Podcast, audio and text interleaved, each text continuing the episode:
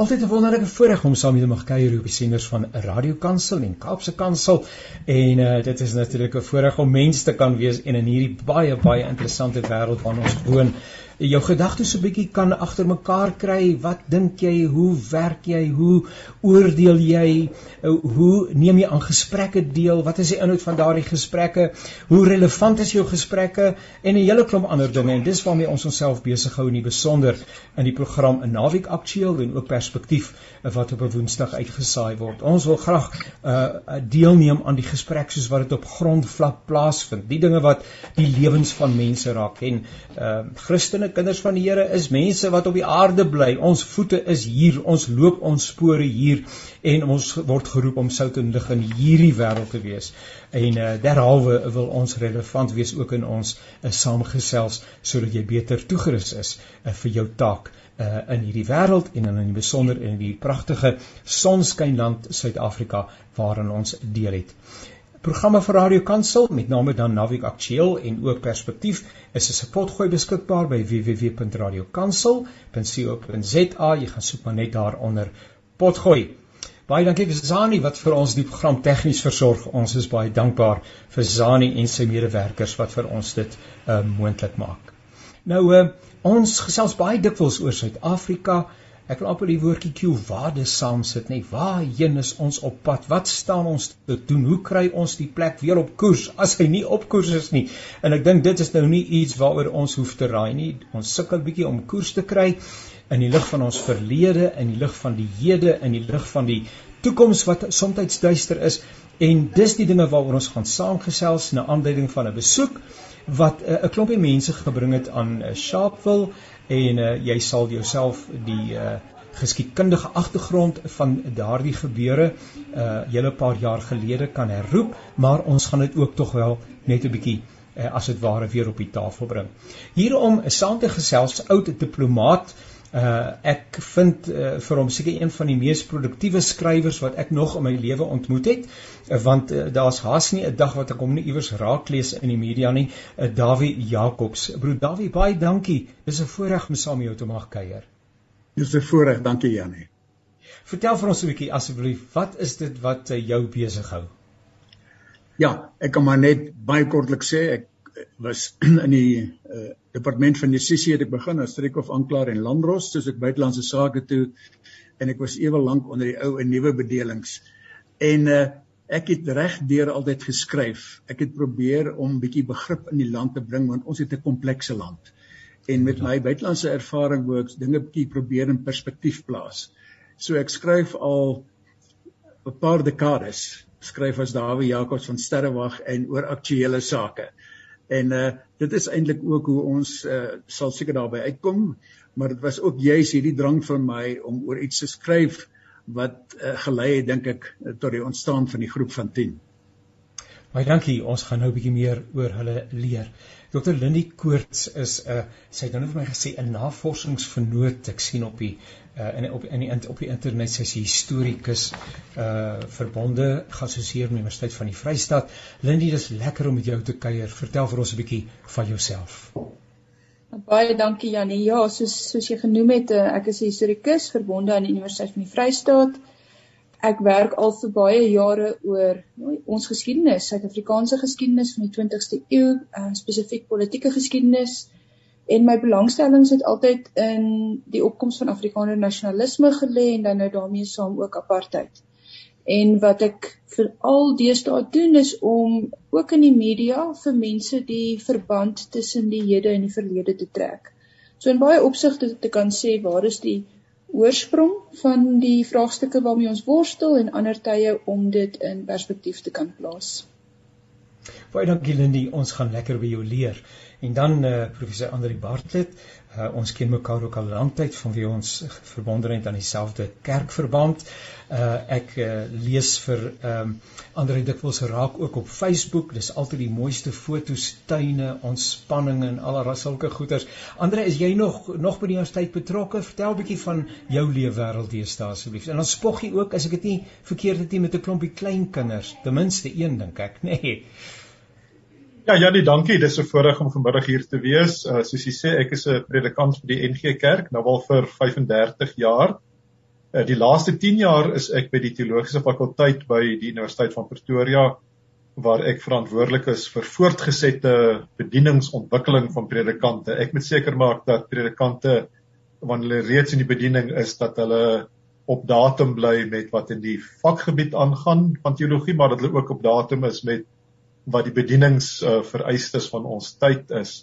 Ja, ek is die uh gelukkige pa van drie pragtige dogters en die oupa van vyf klein kinders, uh, drie klein dogters en twee klein seuns. Uh dankie vir die voorreg om vanmiddag hier te wees. Baie baie dankie. Nou, ehm um, uh, miskien kan ons begin by jou Dawie, want jy het ook daarna verwys. Ehm um, die agtergrond en die die die ontstaan van die groep van 10. Ehm um, dit klink nogal 'n interessante kombinasie van mense. Vertel bietjie daarvan asseblief. Ja, ek kan sê ek dink almal is bewus van die verklaring van in Februarie toe die voormalige staatspresident F.W. de Klerk uh, nie wou erken dat apartheid 'n misdaad is nie. Uh dit was nie uh, ons was 'n uh, verklaring was nie gemik op hom nie.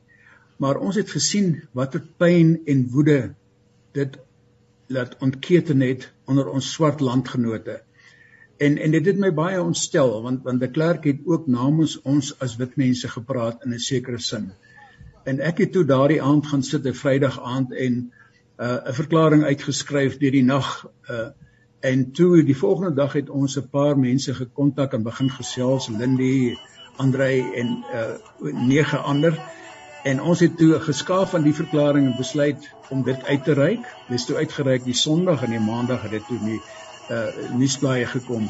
Maar ek wil net sê, ek weet baie mense het gedink dat dit was nou 'n aanval op die klerk, hoe genaamd nie, ons noem nie eers in die verklaring nie. Dit was werklik om die pyn en woede aan te spreek. En verder wat belangrik is, ons het nie daarby stil gestaan nie. Ek weet ons het net jammer gesê en om jammer te sê is nie moeilik nie. En daai jammer het 'n groot impak gehad onder ons swart landgenote. 'n Swart man het my gebel en gesê Hy het nooit gedink in sy hele lewe sal hy so 'n verklaring deur wit Afrikaanse mense lees nie. Maar ons het nie daarby stil gestaan nie en dis waar baie mense ons verkeerd lees. Ons tweede deel van ons verklaring het ons gesê ons wil saamwerk aan 'n beter toekoms vir almal en ons het dit uitgespel. En eintlik is ons nou al weg van daardie eerste gedeelte. Uh die eerste gedeelte was um, meer uh, morele restituisie, maar ons werk nou aan ekonomiese restituisie. En en dit is waar ons nou staan. Ons werk aan projekte uh, veral in in op plaaslike vlak begin ons nou 'n uh, groep bymekaar kry om te werk om ons land op te bou van onder af. Soos Duitsland na die Tweede Wêreldoorlog het hulle hulle land opgebou op grondvlak, munisipale vlak. Ons wil nie by die be regering betrokke raak nie. Ons wil onder begin want demokrasie begin van onder af en ons glo dit kan deursyfer na boontoe. Daar's baie goeie wil en daar's ook baie kundigheid onder ons mense. Ons moet dit net ontgin. Ons moet net by mekaar uitkom. Nou baie dankie. Ek wil ek wil graag aansluiting vind uh, uh, my vertrekpunt vind in die artikel of die nuusberig wat deur Sarah van der Merwe geskryf is netwerk 24 en luisteraars kan dit ook daar gaan raak lees dit het in die afgelope dag of 3 verskyn. Ehm um, die die die aanleiding uh, was u besoek aan Sharpeville Ehm um, nou ehm um, nie almal het altyd die historiese agtergrond nie. Uh, kan ons dan asseblief daar begin net weer 'n keer? Ehm um, miskien moet ons die historikus onder ons vra om vir ons 'n bietjie 'n paar historiese lyne te kom trek wat die saak betref. Kyk, Sharpeville is van groot historiese belang. Ehm um, dit is die plek waar daar 'n massa slagting of 'n skietery plaasgevind het op 21 Maart 1960. As mens werklik kyk wat die agtergrond is, is dit is in daardie tyd in laat 1959 het daar 'n groep uit die ANC uit weggebreek. Dit was 'n groep jong radikale uh wat kan mens sê swart aktiviste, hulle het self Afrikaniste genoem. Uh dit was natuurlik maar ook in daardie tyd binne gevegte in die ANC net soos wat ons vandag nog steeds het in enige politieke party. En hierdie groep het weggebreek om die PAC te gaan stig.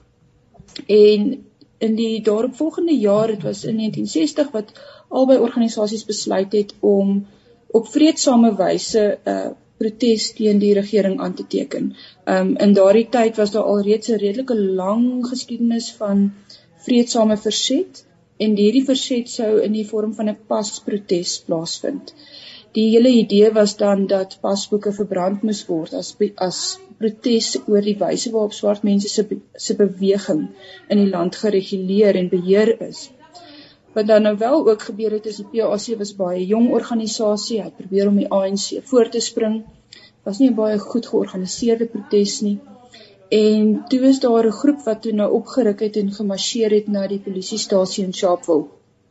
Mens moet weet dit was 'n ongewapende skare wat daar aangekom het met die gedagte dat hulle dan hulle pasboeke daar sou verbrand. Maar wat met die jong polisiemanne gebeur het toe hulle hierdie skare sien en die skare wat teen die heininge druk is dat hulle paniekbevange geraak het en op die skare begin skiet het. En 69 mense is daar dood. 158 is gewond. Na die tyd is daar gesien hoeveel van hierdie mense is in die rug geskiet want hulle het op die vlug geslaan. Die internasionale woede hieroor was enorm en die impak vir Suid-Afrika ook. So aanvanklik is daar um, 'n um, groot klomp geld uit die land uit onttrek. Daar's 'n noodtoestand afgekondig. Dit is ook dat daar baie lelike keerpunte in ons geskiedenis plaasgevind het want onmiddellik is die ANC en die PAC verban wat beteken het dat die bevrydingsbewegings ondergronds gegaan het. Dit het ook vir hulle dan regverdiging gegee om na die gewapende stryd te oor te skakel. Uh dit het ook kort daarna, weet 3 jaar later het ons dan nou die die Rivonia um verhoor gehad waar hy waar Nelson Mandela en sy mede-beskuldigdes na op 'n eiland gestuur is. En die staat het van daar af uiters onderdrukkend geword. Ons het gesien dit is toe die staat ook die reël van 90 90 dae detensie sonder enige toegang tot 'n prokureur of 'n aanklag ingestel het. Uh so dit was dit was die begin van ek wil sê 'n baie militaristiese onderdrukking um van protes teen apartheid. Was die begin van ons internasionale isolasie 'n jaar later toe Suid-Afrika 'n republiek word het ons die Statebond verlaat eerder as om kritiek teenoor apartheid te duld. Um en hierdie stilte wat weet wat daarop gevolg het met die magsvakuum het dan nou eintlik 16 jaar later tot 'n ontploffing gekom met Soweto in 1976. So Sharpeville word werklik beskou as een van die groot keerpunte in Suid-Afrika se geskiedenis van die 20ste eeu. Kollegas baie dankie, dankie vir daai agtergrond. Kan ons vir 'n vir 'n paar oomblikke net gesels oor ehm um, hierdie spesifieke narratief, hierdie stuk geskiedenis. Het vir ons gesê kom van 1960 af uh, as my my somme nie my in die steek laat nie, praat ons van 62 jaar gelede ongeveer wat hierdie hierdie baie tragiese ehm um, situasie verhaal homself afgespeel het. Ehm um, nou wa, hoe lank bly geskiedenis is uit die aard van die saak relevant. Maar maar kom daar nie iewers 'n punt waar jy sê die die ou narratief, die ou seer word eenvoudig net lewend gehou en dit speel homself weer en weer uit nie. Ek is vir die, in my uh bekendstelling van myself ook geskryf dat ek self uh by van daardie geleentheid in Sharpeville was deelgeneem het aan die verrigtinge daar empatie betoon het met uh, die mense uh, se naasbestaandes uh ek is met die terrein goed bekend. Uh ons het ek was deel van uh verskeie inisiatiewe om hierdie gebeure te herdenk mense bymekaar te trek. Um die entoesiasme was uiters gering Ek dink dit was die organiseerders wat op die groot stadion in Soweto saamgetrek het. Dit was die enigste mense wat opgedaag het. Dis eh, eh, en so ek gaan my my totale betoog saamvat en sê hierdie tyd nie gekom waarin ons nuwe monumente oprig en waar ons 'n nuwe narratief skryf van is daar nie dalk tog sekere oorwinningsmomente wees soos byvoorbeeld wêreld rugby waar ons vir 'n enkele oomblik tog iets beleef het van egte ware nasie bou en dat ons half probeer wegstap. Ek vra julle moet my help asseblief. Probeer wegstap van hierdie uh, want as ek nou aan daardie kant van die geskiedenis staan en ek word weer en weer met daai inhoud konfronteer, kan dit tog nie anders as om rou emosies by my wakker te maak nie. Uh, so help as met ek moet mag ek asseblief sommer gou weer sommer dadelik as die historikus daarop reageer. en sê ek vind byvoorbeeld mense sê die hele tyd kan ons dit nie maar net agterlaat nie kan ons nie maar net vorentoe kyk nie. En jy het die regte woorde gesê dit sê soveel van aan watter kant van die geskiedenis staan jy en hoe voel jy? Hoe laat hierdie verhaal vir jou voel? Want baie keer is dieselfde mense wat sê kan ons nie maar net hierdie nou een kant sit en vorentoe beweeg nie. Dis mense wat vir my sê my kinders leer nie meer van die Anglo-Boereoorlog in die skool nie. En dan is hulle ongelukkig daaroor. En dan as ek moet sê maar hierdie is ons narratiewe, hierdie is ons verhale. As ek ja. 'n mens ontmoet en vir hulle sê jy mag nie vir my enigiets negatiefs wat ooit met jou in die verlede gebeur het vertel nie asseblief, ek wil net die goeie goed hoor en wat vorentoe gaan. Dis nie ons met mense maak nie. Dis nie wat ons met ons narratiewe maak nie. So ons moet nooit kan dink aan die geskiedenis as iets wat agtergelaat word nie, dis deel van wie ons is. Maar ek dink ons kan 'n bietjie vorentoe praat oor hoe verwerk ons hierdie verhale dat jy op 'n plek kan kom waar jy oor hierdie verhale kan praat sonder om in 'n plek van skuld te gaan vassit. Maar ek dink dit kan vorentoe en ons ons kan nou vorentoe in ons gesprek hieroor gesels. Asseblief Andrei. Ja Janie, ek ek dink jy is heeltemal reg om te sê ons het 'n 'n nuwe narratief nodig uh, en dat dit 'n uh, verkieslike gesamentlike narratief moet wees. maar die probleem is ons almal is produkte van ons geskiedenis. Ons samelewing is produkte van ons geskiedenis. En ons sit ongelukkig in Suid-Afrika wat uh eintlik vir nie net dekades nie, maar eeue lank 'n verdeelde samelewing is met met baie konflik en verwydering en vervreemding wat oor oor eeue ontwikkel het, sit ons met afsonderlike narratiewe. En en elkeen van ons narratiewe soos Lindy het nou verwys na die na die uh, Anglo-Boereoorlog wat vir baie Afrikaanse mense 'n baie emosionele 'n draagkrag het en wat 'n effek het op hoe ons oor onsself en oor ander mense dink. Uh en die die die die die probleem is dat ons e-, eintlik elkeen met ons eie narratief sit en ons verstaan ons hoor nie mekaar se narratiewe nie. Ons het nie empatie met mekaar se belewenis van dieselfde gebeure nie. Uh, en nou probeer ons 'n nuwe narratief skep maar ons vind mekaar nie want ons sit elkeen vasgekeer in ons uh in die narratief waarmee ons as ware uh uh groot geword het waarmee ons gesosialiseer is wat diep in ons denke lê en in in in daai sin dink ek is dit belangrik dat mens in die proses van om 'n nuwe narratief te skep na mekaar sal luister, mekaar se verhale sal hoor, nie onmiddellik met die idee van jy val my aan en nou moet ek my verdedig nie, maar om te sê ek wil regtig luister, ek wil as ware in jou skoene gaan staan en hoor hoe jou narratief klink. En ek wil hê jy moet dieselfde met my doen, dat jy in my skoene kom staan en en my narratief hoor en probeer uh, verstaan. En ek dink dan wanneer mens iets van mekaar se narratiewe verstaan, is jy beter in staat om te sê, maar goed, wat maak ons nou om 'n nuwe narratief te skep wat ons uh, verby die verdelings en die vervreemding van die verlede kom. Ek dink die belangrike ding is Wat ons baie keer verkeerd doen is om net simboliese soort goeders te doen. Natuurlik is simboliese goed belangrik. Herdenking van Sharpeville, die feit dat Dawie hulle nou die afgelope naweek uh, daar was 'n deel van die program was. Dis baie belangrik. Dit dit dit dra boodskap oor van welwillendheid, dit dra boodskap oor van um, ons wil saam dinge doen. Maar as dit net by die simboliese vassteek, dan word dit eintlik gevaarlik, want dan skep dit 'n oomblik van verwagting, maar dit word nie opgevolg deur deur daadwerklike optrede, daadwerklike nader beweeg, daadwerklike samewerking nie. En en in daai geval dan jy dit self nou beskryf en sê jy is self betrokke by goed, uh maar dan dit voel vir jou daar kom niks daarvan nie. En daai soort frustrasie kan later maak dat die die vervreemding eintlik groter word. Dat mense eintlik sê jy wil jy wil 'n goedkoop versoening hê.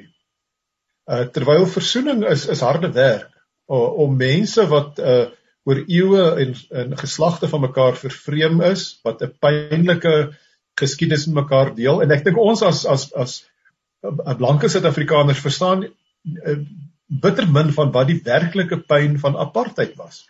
Wat die werklike effek op mense se lewens was. Wat die langtermyn effek daarvan is en en wat tot vandag toe die effek op mense se lewens is. Uh gemeenskappe wat wat ontwrig is. Uh families gesinne uh, wat ontwrig is, mense wat nie toegang gehad het tot uh, behoorlike werksgeleentheid nie. Uh, mense wat nie kon deelneem aan aan dit wat deel is van 'n normale gemeenskap nie. Die die die die emosionele pyn wat dit aangerig het, die fisiese pyn wat dit aan mense aangerig het, die ekonomiese pyn, die politieke pyn wat dit veroorsaak het, En as jy net moet sê dit was bietjie swaar geweest, nie dit was werklik as ons van pyn praat, praat ons van van diep diep trauma en dit is die narratief van 'n goed van die meerderheid van ons samelewing. En ons wat 'n minderheidsgroep is, kan baie keer dit afmaak en sê kom ons maak net die boeke van die verlede toe en ons gaan aan.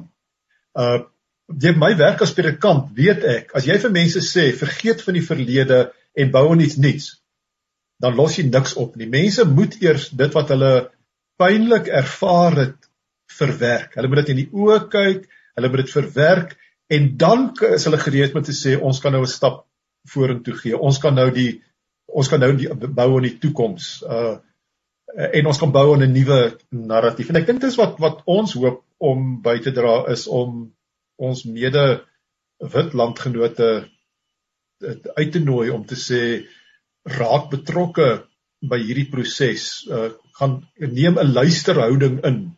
Probeer om empaties uh te luister na wat ander mense se verhale is en dink dan kreatief saam aan maniere om vorentoe te beweeg. Ek wonder eh, daarmee uh, ek probeer nou aan die woord dink toe onthou ek kon 'n referendum. Ehm um, sou mense 'n referendum byvoorbeeld in Suid-Afrika uitroep uitskryf en vra wat is die behoefte van mense op grondvlak? Sou verdere gesprekke oor hierdie goed sou dit die behoefte wees? uh of sou die groot meerderheid van mense en dan praat ek nou ons is 'n minderheid ons klompie wat nou met mekaar gesels wat die mooi uh, dieselfde gelaatskleur het ons is uh, aan die minderheid. Maar sou die meerderheid mense ek vra is dit ooit getoets? As ons in 62 jaar nog nie klaar gepraat het mekaar nog nie gehoor het oor gister en eergister en julle ken my hart maar ek deel um, vrae wat ook in die harte van mense lewe. Ehm um, en ek het bykans weekliks hierdie gesprek. En dan vra ek waar dan moet domisilieer? Ek het 'n baie kwaai professor gehad in die gemeente en ek en hy het nogal skouer geskuur by tye en dan sê maar ons domisilieer nie ons besluit nie. Nou ek het nou toe geleer dit beteken die ding kom nêrens nie, word nêrens vasgemaak nie. Nou waar domisilieer ons hierdie versoek, hierdie versigtiging dat gesprek moet plaasvind en dit voel vir my half asof Mense sê maar ons is verby dit of ons het nie 'n behoefte daaraan nie of ons is moedswillig, ons sal nie. Eh, help my asseblief Dawie, hoe, hoe dink 'n mens oor hierdie kompleksiteit? Ja, ek glo altyd dat ons het te min geleenthede om regtig soos Andrei gesê het mekaar in die oë te kyk en te praat. En dit is wat ons nou probeer doen om mense by mekaar uit te bring. Byvoorbeeld in Sharpeville, dit het nie net gegaan om 'n simboliese gebaar nie, dit het die gesprek was interessant genoeg toe die gesprek plaasvind daarna 'n dialoog eintlik dit was ook 'n dialoog genoem. Het baie mense gepraat oor hoe gaan ons vorentoe? Wat kan ons vorentoe doen? So ons het dadelik gemeenskaplike grond gevind. Wat baie interessant was en ek is ook nie verbaas nie dit was nie 'n uh, aggressiewe vrae nie daar was kritiese vrae maar die gesindhede was baie positief en ons het eintlik saam vorentoe gekyk. En dit is ook bewys in Senekal Jy weet in Senekal was dit amper 'n oorlog. Die manne wou mekaar gryp. En toe het hulle begin praat en toe hulle by mekaar praat, mekaar in die oë kyk, toe begin hulle hande vat en hulle bou Senekal op. En dis die tipe gedagte wat ons nou het. Nou ek was in lande soos Joegoslawië en en in uh Bosnië-Herzegovina het ek gesien dat versoening wat jy nou van gepraat het, dit vind nie plaas sonder restituisie nie. Waar mense net praat oor versoening, help dit nie dan moet ook restituisie wees. Nou ek wil dan net dit miskien sê jy het daaroor gevra in in in die notas. Uh ek sien uh, restituisie het drie bene. Eerstens morele restituisie. En dit is presies wat ons as groep van 10 gedoen het. Ons het gesê jammer. Dit kos niks. En en dit was die eerste stap wat ons wou neem, maar ons het dadelik en dan is daar ook politieke restituisie. En politieke restituisie het reeds in ons land plaasgevind. Ons het 'n swart meerderheidsregering, een man, een stem. Swart mense is werklik bemagtig. So dis afgehandel. Ja. Dis die tweede been van restituisie en dan die derde een is ekonomiese restituisie. Nou die oomblik as jy ekonomiese restituisie noem, dan skrik die meeste wit mense, maar die punt is ons hoef nie te skrik nie, want ekonomiese restituisie vind reeds plaas, eerstens op regeringsvlak. Die regering doen dit deur regstellende aksie deur BEE, deur social grants en nou ook deur grondhervorming. Daar is nog hartplekke, maar dit gebeur. So die regering is ook in beheer van daai deel van die ekonomiese reseptisie. Dis nie net in ons hande nie. En dan is daar die privaat sektor en ons het baie private public enterprises waar daar reeds baie groot werk gedoen word om opheffing te doen ensovoorts ensovoorts. So daai dinge gebeur reeds. So ons moet nie skrik vir ekonomiese reseptisie nie. En dan die derde been van die ekonomiese reseptisie is gemeenskapsopheffing. En dit is waarmee ons nou besig is. Baie lede van die groep van 10 is reeds daarbey betrokke. So dis nie net praat praat praat nie. Baie mense is soos Barend Legrandsie. Hy werk in verskeie dorpe in in in Senekal was hy betrokke ook in Kroonstad ons het nou met mense van Kroonstad gepraat hulle het vir ons vertel hoe hulle hande begin vat het oor partytetiese grense heen kerkgrense heen en begin praat het so ek glo ons moet doen.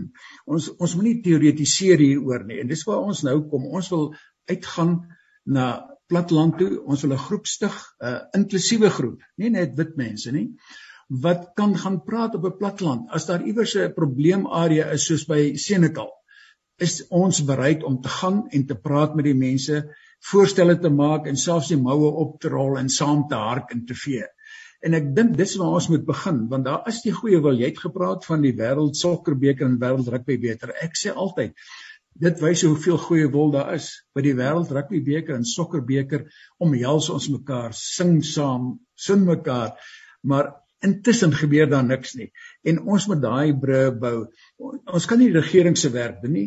En maar ons kan ook nie alles aan die regering oorlaat nie. Ons land is te divers, ons het te veel diverse probleme. So ons gevoel is op hierdie stadium ons moet op grondvlak begin hande vat. Die goeie wil is daar. Ons moet net begin doen en nie net praat nie.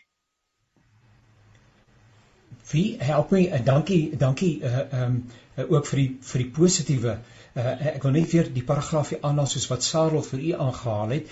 Ek het aan die vergadering gesê daar's verskillende forme van restituisie en dit is 'n baie belangrike woord. Politiek, polities sê u is ons op koers. Ehm um, en ehm um, wat die ekonomiese betref word daar bepaalde dinge gedoen van owerheidswee. Dit lyk vir my die groot uitdaging lê op gemeenskapsherstel. Dit het ook later in die artikel uh, of in die nuusberig na vore getree en dan uh, morele herstel wat seker nou daarmee saamhang. Sê ons met ander woorde en sê julle ons is op pad, hou so aan. Sê julle daar's heeltemal te min daarvan, daar moet veel meer gedoen word uh, daar word waar is ons met ander woorde in terme van hierdie uh van hierdie uh, reis met mekaar saam in uh hierdie diverse Suid-Afrika? Andrei?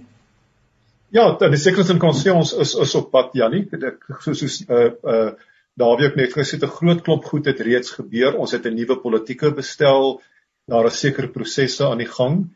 Uh maar terselfdertyd dink ek moet ons mekaar sê daar word ons is nie ver genoeg nie. En in daar die die die die, afgelope 2 jaar met met met Covid toe die die uh die die groot verskille tussen gemeenskappe weer na vore gekom het, het dit duidelik geword dat daar eintlik nog groot gevare dreig. Uh uh ek tel baie groot meer amper herlewing van 'n soort nasionalisme van van 'n rasisme op van van uh groeps uh gevoel wat wat met 'n soort van antagonisme teenoor mekaar gepaard gaan mense trek terug in hulle eie soort gemeenskapskringe uh, uh en en uh ek dink dit is gevaarlike goed wat gebeur.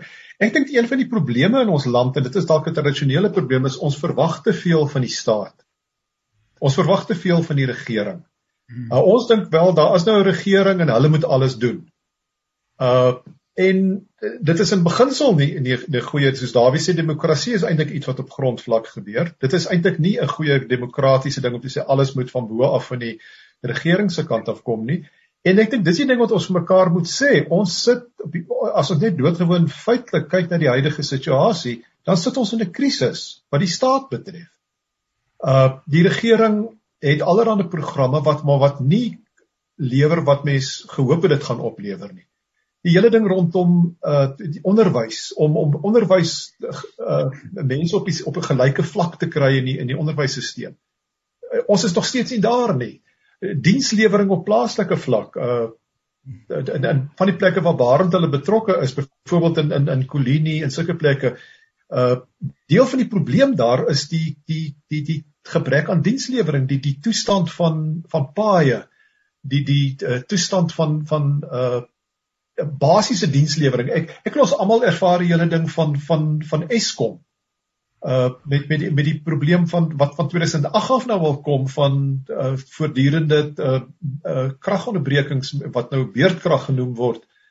Uh uh en en en en al daai soort goed dreig en deel van die probleem is ons nou verwag ons die staat moet alles regmaak.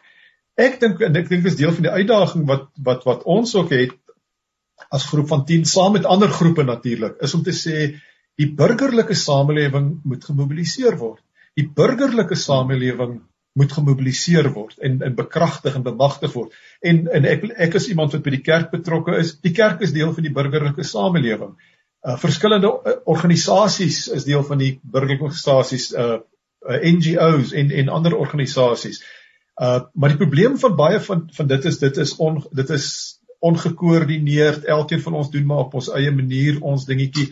Uh en dit is baie keer binne gemeenskappe uh wit organisasies werk vir wit mense en swart organisasies werk vir swart mense. Ek dink daar's 'n behoefte aan uh amper iets wat ons in die 80er jare gehad het met die UDF waar daar oor grense heen organisasies mekaar se hande vat en sê ons het 'n gesamentlike uh uh droom, 'n gesamentlike ideaal om van hierdie land iets meer te maak as wat dit op die oomblik is. Ons uh, gaan nie wag vir die regering om te doen wat die regering moet doen nie. Ons neem verantwoordelikheid want dit is ons land, dit is ons mense, uh, dit is ons toekoms, is ons kinders en ons kleinkinders uh se toekoms. En en ek bedoel die die die die uh net soos wat die apartheidsregering uh in die laaste jare van sy regering feitelik maar op sy voete uit was, uh al het hy nog baie mag magstaal gebruik. Dink ek moet ons mekaar sê ons sit met 'n met 'n uh, regering wat wat tot 'n groot mate op die oomblik onbevoeg is vanweë 'n groot klomp goed uh onder andere die binnengevegte binne die regerende party wat eintlik die die staat tot 'n groot mate lam lê. Uh dit het doen met mense die dinge soos korrupsie wat wat 'n geweldige effek het op wat wat die staat eintlik kan doen want as hy soveel van sy fondse deur korrupsie wegsyfer, dan is die vermoë van die staat minder. Uh en dan die hele ding van kaderontplooiing ook dat mense in poste geplaas word waarvoor hulle nie uh, bevoeg is nie en dan diens moet lewer uh sonder dat hulle uh, toegerus is om dit te kan doen. So in daai sin dink ek moet ons mekaar sê die die die daar's daar's beperkings aan wat die owerheid kan doen ons staat kan doen. Daarom moet die burgerlike samelewing verantwoordelikheid neem. En dit is goeie demokrasie. Om uiteindelik te sê dis die burgery wat regeer. Dis nie die die regerende party wat regeer nie. Die burgery is uiteindelik die die die primêre element in 'n demokrasie. Lindy Ja, ek wil so ten sterkste by Andre daarbey aansluit. Andre, ek dink jy is heeltemal reg en ek dink mense voel in die steek gelaat. Ehm um, soveel van die restituisie wat moes plaasvind is het weggesyfer. Jy weet in vorms van korrupsie en vorms van weet in wyse waarop die stelsel misbruik is. En hier is nou die ding, ek gaan nou letterlik my ma aanhaal as toe ek kind was. En ons sê maar so en so, weet ons het iets stouts gedoen en ons sê ons maar so en so het dit gedoen. Jy weet of ook dit gedoen. En dan het sy altyd vir my twee goed gesê wat jy weet wat altyd my verskonings weggevat het. Sy het altyd gesê as jy jouself met die swakkes vergelyk, gaan jy altyd goed lyk. En die ander ding wat sy altyd gesê het is net omdat iemand anders iets verkeerd doen, sê dit nie jy moet ook nie. En dit is eintlik die groot ding is dat presies soos Andre sê, waar lê ons oplossing? Ons oplossing lê op die burgerlike vlak. Maar wat my werklik bekommer is die mate waartoe daar laer getrek word. So wanneer ons na ons oplossing soek presies dit, doen ons dit in eie geleedere en ons help net onsself of kan ons sê hierdie is A 'n plek waar ons nou self ons oplossings moet vind, maar B 'n geleentheid om dit gesamentlik te kan doen. Dat daar waar ons in die steek gelaat is, ehm um, kom ons kom ons maak dit ook reg in terme van uitreik met mekaar. Want ek dink eintlik ons almal wil in 'n land leef wat werk maar terselfdertyd wil ons ook in 'n land leef waar ons menswaardig voel en menswaardigheid lê op soveel verskillende vlakke. En dit voel vir my my huidige burgerlike pligte kom ook saam met my historiese pligte. So op 'n historiese vlak is dit dan nou juist dat 'n mens kan sê, maar kom, ek het 'n historiese verantwoordelikheid, kom ek leef in erkenning, kom hierdie word dan buiten vir die feit dat ons die slaggate regmaak, dat ons dit gesamentlik doen op 'n manier wat bru ook tussen mekaar bou, want die regering gaan dit ook nie vir ons gedoen kry nie. Eh, eh, Dawie, baie dankie. Ja, dis dis dit is presies wat ons wat ons nou doen. Ek dink ek weet Andre het nou baie goed uitgespel al die probleme in die land is doodreg ook. Dis korrek. Ons moet daarna luister. Maar dis juist presies wat ons nou wil aanspreek. Dit is die gees van die groep van 10. Ons het 'n uh, uh, Andre was ook by die gesprek gewees. Die mense wil regtig saamwerk. Ons het mense van 'n uh, uh, Kroonstad daar gehad.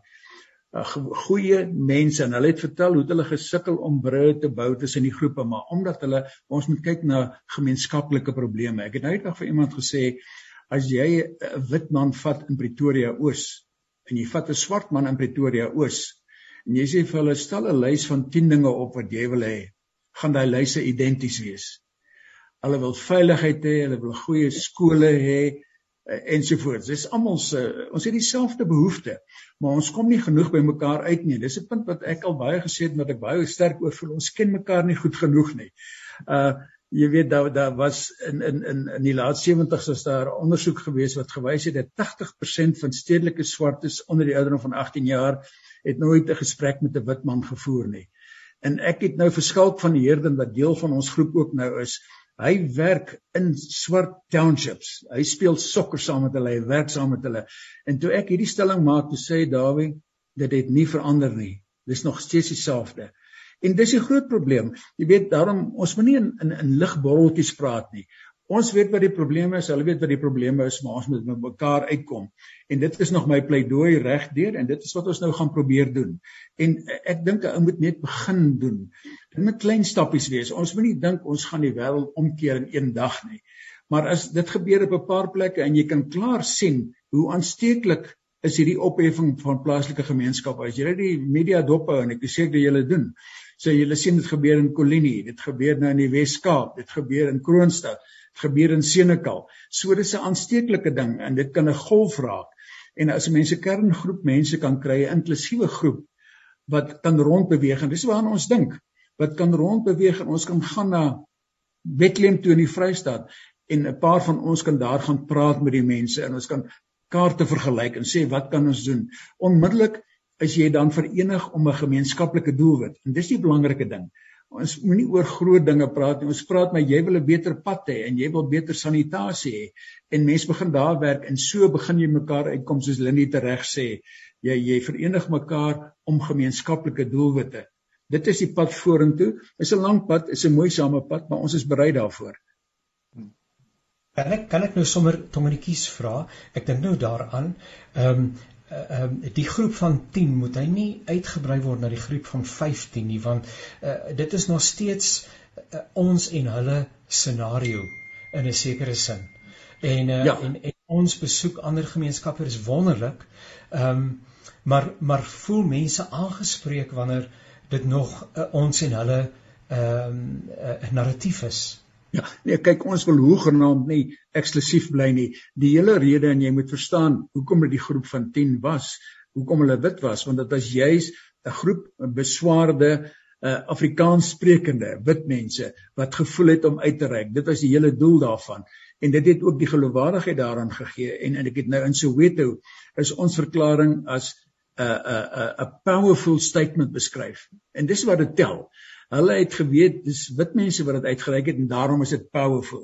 Maar ons dink uit die aard van die saak, klaar weier en waar daar nou reeds werk gedoen word op op op 'n uh, uh, plaaslike vlakke, waarom hulle werk nie as wit mense nie. Hulle werk met die hele gemeenskap saam. Tryda Prekel, 'n ander een 'n lid van ons groep, sy werk met absoluut inklusiewe groepe. Ons almal werk met inklusiewe groepe. Die oorsprong was die die groep van 10 Maar vorentoe ons ons werk nou Andre weet daarvan. Ons wil 'n groep bymekaar kry oor hierdie grense heen, 'n groter groep, 'n inklusiewe groep wanneer ons vorentoe beweeg. Hierdie was maar net die oorsprong van die groep. Dis hoekom dit nog wit gesigte is. Lindy, ja, dit is Ja, ek wil sê dit dit dit bestaan ook terselfdertyd op verskillende vlakke.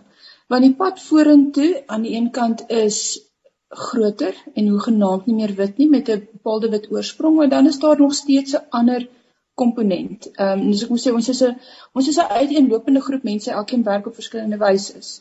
En ek vat vir myself, die tipe goed wat ek doen is om tot wit mense te spreek. Is om tot my medewit mense te spreek want hmm.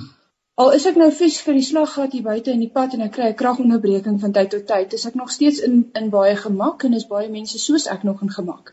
En dan worstel ek bietjie minder met die brood en botter vraagstukke en dan worstel ek wel met die groter identiteitsvraagstukke in my plek in die land uh, in verwantskap tot almal om my. En ek dink daar is ook, ek dink die die tegniese term alhoewel ek nie so mal is daaroor nie, hulle praat van wit werk.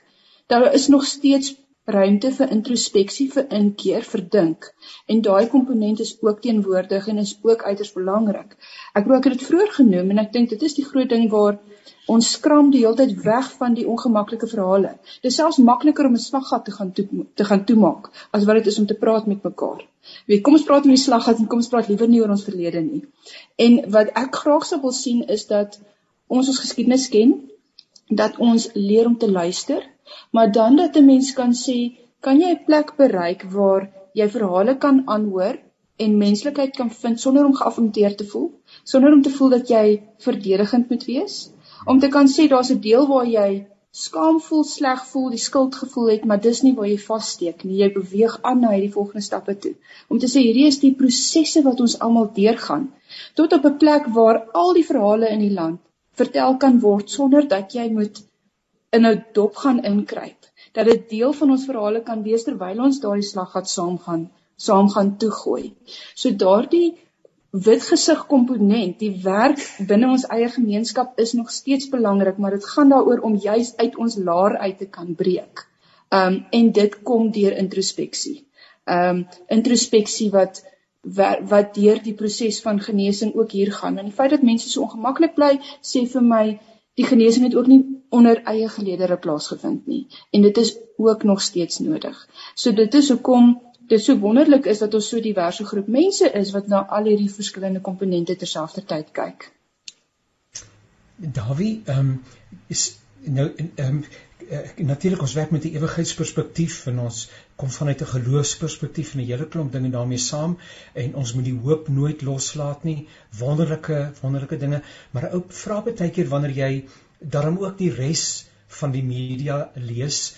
Ehm um, net in die afgelope week in Vrye Weekblad word daar weer uh, gepraat oor Suid-Afrika en dis nie net daar nie mense dit is 'n tema wat homself voortdurend uitspeel en afspeel uh uh, uh, uh naamlik Suid-Afrika op pad na 'n mislukkende staat, 'n mislukte staat, 'n uh, internasionale beoordeling in die verband wat ons op 'n bepaalde plek plaas binne 'n uh, wêreld uh gelykes ensovoorts. Ehm um, die vraag wat ek wil vra is, het ons tyd?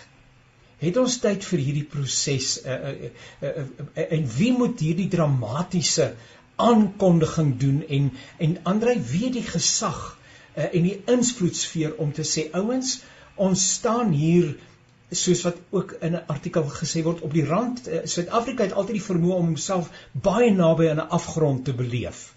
Uh en en en iets daarvan is dalk waarvan waar ons stand bevind. Wie het die geloofwaardigheid om te sê ouens, ons het nodig om ernstig hier na te dink. Komende week het ons 'n week wat op sy gesit word waarin ons moeite gaan doen. Hier is 'n struktuur, hier is 'n agenda, hier is 'n voorstel uh, wat vir werkgewers, onderwysers, skole, wie weet ook al uh, voorgestel word. Dawie, het ons tyd?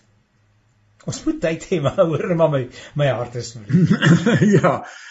Ja, ek ek is altyd 'n optimis en en ek glo in klein stappies.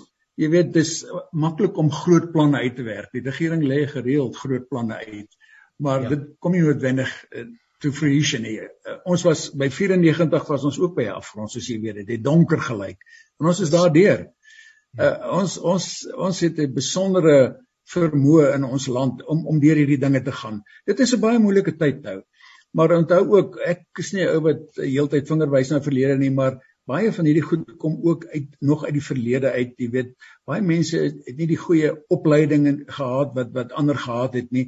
En en uh jy weet as 'n ou uit 'n modderhuisie uitkom en hy het skielik die geleentheid om 'n luukse huis met luukse motors te ry. Dis dis groot uitdagings. Uh, so 'n mens moet daardie element op verstaan. As jy nou maar selfs ek is glad ek het demonstreer teen Zuma. Ek het by die Unie gebou gaan stap teen Zuma. Maar Zuma is ook 'n man wat eintlik in 'n sin ook 'n slagoffer was. Weet jy, hy was in uh, in die in die eksiel gewees in die buiteland. En hy het in finansiële probleme beland hier in Suid-Afrika en en, en toe die Guptas om ingepalm. Ek praat dit nie goed nie, ek maak nie verskonings daarvoor nie, maar alles het 'n aanloop. Jy weet soos mense ook nou sê, jy weet uh, mense probeer nou verskonings vind vir Oekraïne om te sê daar's 'n geskiedenis, maar ek sê elke oorlog het 'n geskiedenis. So alles het 'n geskiedenis, maar ek dink nog steeds ons het die mense in Suid-Afrika, die menslike kaliber om die waar deur die drif te trek. Uh Ramaphosa is 'n goeie leier. Ek voel op soms hy moet bietjie vinniger beweeg, Maar ons weet hy het nie die magsbasis wat byvoorbeeld te Zuma gehad het nie. So ek dink ons moet geduldig wees en dis nog 'n voordeel wat ons in Afrika het. Ons kan ook geduldig wees. Uh ek dink nie ons moet ons oë sluit nie, maar ons moet begin werk en dis wat ek nou glo, dis wat ons nou probeer doen. Ons rol ons moue op en ons werk en jy slaan jou hande saam van hoeveel goeie wil daar is. Jy weet ek sê nou eerlik sê toe ek nou genooi is om by Sharpeville te gaan praat, ek was nog nooit daar nie was hy so 'n bietjie huiwerig. Jy het nie geweet wat jy gaan verwag nie. Maar die goeie wil wat ek daar ervaar het en in dit ervaar die oral was ongelooflik. Hulle hulle het absoluut aan my lippe gehang en geluister en hulle het gesê maar wat kan ons saam vorentoe doen? Hulle is bereid om saam te werk. So ek dink die goeie wil is daar en jy sê ook het ons tyd onthou die afgelope plaaslike verskielings uh, verkiesings het die wiel reeds begin draai die die volk op die laer vlakke het begin sê nee, ons is nie tevrede met die pad wat die ANC stap nie. En nou het ons koalisie regerings op plaaslike vlak. Hulle word eintlik gedwing om 'n dialoog te voer op plaaslike vlak. En dis wat dit dan begin deursyfer na boontoe. So ons is in in in 'n ruwe vaarwaters. Ek ek gee toe, maar ek het baie lande en baie plekke gesien en ek is nie negatief nie, ek is nie pessimisties nie. Ek glo ons gaan ook hierdeur kom. Andre, uh, miskien net dan 'n laaste woord voordat ons opsom. Ehm um, ek is ek is 'n bietjie van aktivis. Ek dink julle hoor dit ook. Uh en en en droom heeltemal te groot en onrealisties sekerlik, maar ehm um, die kerk, die liewe kerk, is dit nie die instrument wat gegee word in Suid-Afrika? Uh en en as ek dink wat hou ons met ons kerklike vergaderings, waarmee is ons besig? ehm um, dan uh, moet ons nie maar in skuldbeleidnes net eers weer 'n keer op 'n ander manier skuld bely en sê uh, die bronne wat aan ons toevertrou is oorvloedig. Ehm um, is ons besig om te verspil op beselagtighede uh, en ander mense se gewoontes nie. Ja, nee, nee dankie. Die, die antwoord sou ek sê is ja en nee. Natuurlik het die kerke 'n sleutelrol te speel maar ek dink in die hart van die evangelie lê ook die ding van om te sê jy speel 'n nederige rol. Jy speel jou rol in samewerking met ander mense. Jy maak die verskil waar jy 'n verskil kan maak. Um, ek dink een van die belangrike goed is om te sê dat uh, 'n uh, kerk soos die NG Kerk waarvan ek en jy nou albei 'n predikante is, uh, moenie aan homself dink as die enigste kerk nie. Uh, as ons 'n bydrae wil lewer, sal ons dit saam met ander kerke moet doen. Uh, en die NG Kerk doen dit op hierdie as lid van die Suid-Afrikaanse Raad van Kerke. Uh om hande te vat om te sê en dis een plek waar ons kan sê waar ons brûe bou. Uh en daar kan ek ook sê ek is vir baie jare by die Suid-Afrikaanse Raad van Kerke betrokke gewees. Die geweldige welwillendheid wat daar ook teenoor 'n kerk soos die die NG Kerk is ten spyte van die uh historiese bagasie waarmee die NG NG Kerk kom. En dan ook om te sê maar ons moet ook oor geloofsgrense heen hande vat met ander welwillende mense. Uh, dit is altyd 'n deel van 'n kern ding van die Christen om te sê ons doen nie alles alleen nie, ons werk saam met ander mense. Uh, dit is 'n Bybelse gedagte dat ek, uh, die, die Ou Testament koning Kores is 'n instrument van God.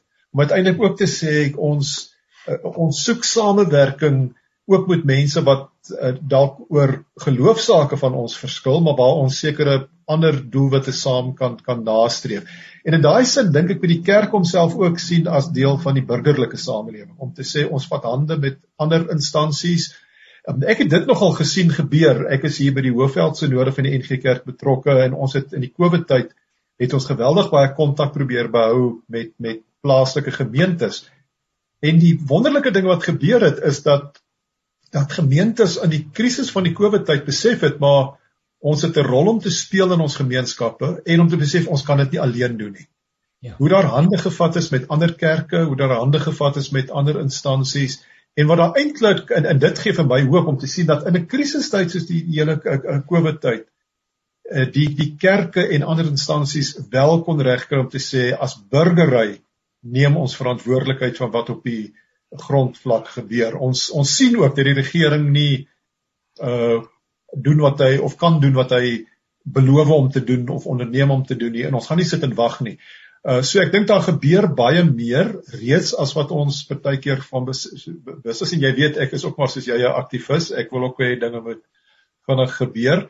Uh maar ek dink mens moet ook in daai sin met ons jy weet die die, die uh ek hou nog altyd van daai gesegde wat sê think globally and act locally. Ons moet almal die globale prentjie probeer kry. Wat is die groot behoefte, kom ons sê van ons land en van ons groter gemeenskap? En dan te sê wat doen ons elkeen plaaslik? Daar waar ons uh, 'n uh, rol het om te speel, daar waar ons invloed het, daar waar ons uh, kontak uh, het met ander mense, wat doen ons om die globale uh, ideaal uh werkbaar te maak hier plaas. En daai sin wat Dawie sê, 'n klein stappies. Doen elkeen wat jy kan. En dis wat 'n groep soos 10 probeer doen. Ons is nie 'n organisasie nie. Ons het nie 'n bestuur nie, ons nie 'n begroting nie. Ons nie 'n konstitusie nie. Ons is 'n groep individue wat almal besorgd is en wat almal elkeen van ons by ander instansies betrokke is wat juis hierdie soort werk doen. Ek is betrokke by Studie Trust wat 'n 'n 'n beursorganisasie is vir mense uit agtergeblewe gemeenskappe. Ek raak nou betrokke by 'n by 'n NGO in die, in die Swartland by 'n trust, die Goedgedag Trust wat wat geweldig baie uh opheffings ontwikkelingswerk uh in die Swartland gemeenskap doen en ook gemeenskapsbou, gemeenskappe bymekaar uitbring. En dis wat elkeen van ons moet doen. En ons moet mekaar aanmoedig en ander mense aanmoedig om te sê gaan kyk wat is plaaslik die die die probleme, wat is die moontlikhede en dan te sê wat kan elkeen van ons doen om saam met ander nie eksklusief nie. Uh en ek ook so Dawie het nou nie as 'n verteenwoordiger van die 10 groep van 10 gegaan nie. Hy's op uitnodiging van 'n ander instansie. Die feit dat hy deel van die groep van 10 is, het gemaak dat daar 'n sigbaarheid gekom het. Maar dit is nie asof hy 'n amptelike verteenwoordiger van 'n organisasie is wat nou daar gaan wees nie. Professor Andre Bartlett, uh onder andere Universiteit van Pretoria, baie baie dankie uh, vir u deelname en al die insigte wat u gedeel het. Ehm um, Dawie, Ehm um, wat gee hoop vir die toekoms? Ek ek dink ons mense ons het geweldige mooi mense, positiewe mense. Jy weet toe ek in die buiteland was, en jy het nou gepraat van die wêreldbekers. Toe was die sokker wêreldbeker in Suid-Afrika en toe daar mense teruggekom waar ek in die buiteland was en ek het gedog hulle gaan praat oor ons groot stadions en en die wonderlike wildtuine wat ons het. En weet jy wat het hulle van gesê? Ons was beïndruk met julle mense.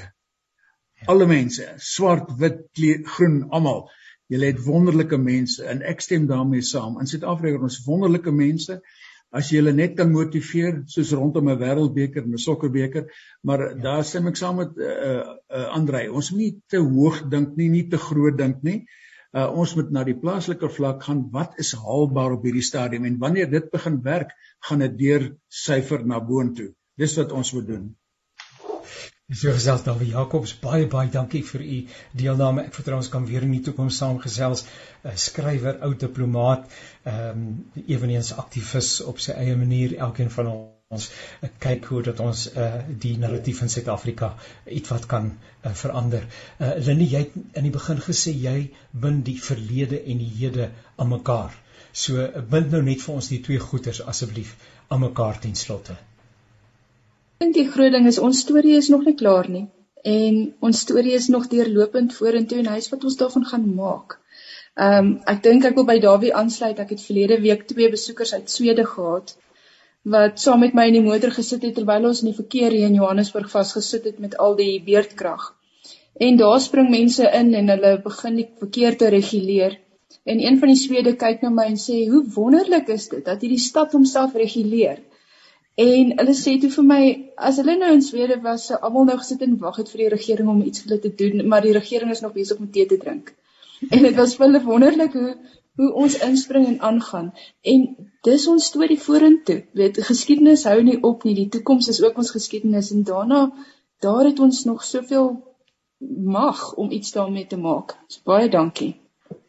Dr. Lindie Koortsien is tyd van die Vrystaat sy se navorsingsvernoot historikus en klop ander dinge daarmee saam. Baie baie dankie vir die saamgesels. Dit was vir myself 'n verrykende ervaring geweest. Ek is oortuig daarvan ook vir ons luisteraars. Ons kyk weer in die toekoms saam. Ons kyk hoe dat die uh, saak homself verder uitspeel. Ons bly mense van die geloof. Gelukkig het ons dit as deel van ons DNA in Suid-Afrika en het ons met die meeste mense in gemeen. Uh mag dit met u baie baie goed gaan. Seënwense vir die pad vorentoe. Uh dankie weer 'n keer aan uh Zani wat vir ons gehelp het met die tegniese versorging uh van hierdie program. Uh die program ook beskikbaar is 'n potgooi by www.radiokansel.co.za. Tot 'n volgende keer. Alles wat mooi is.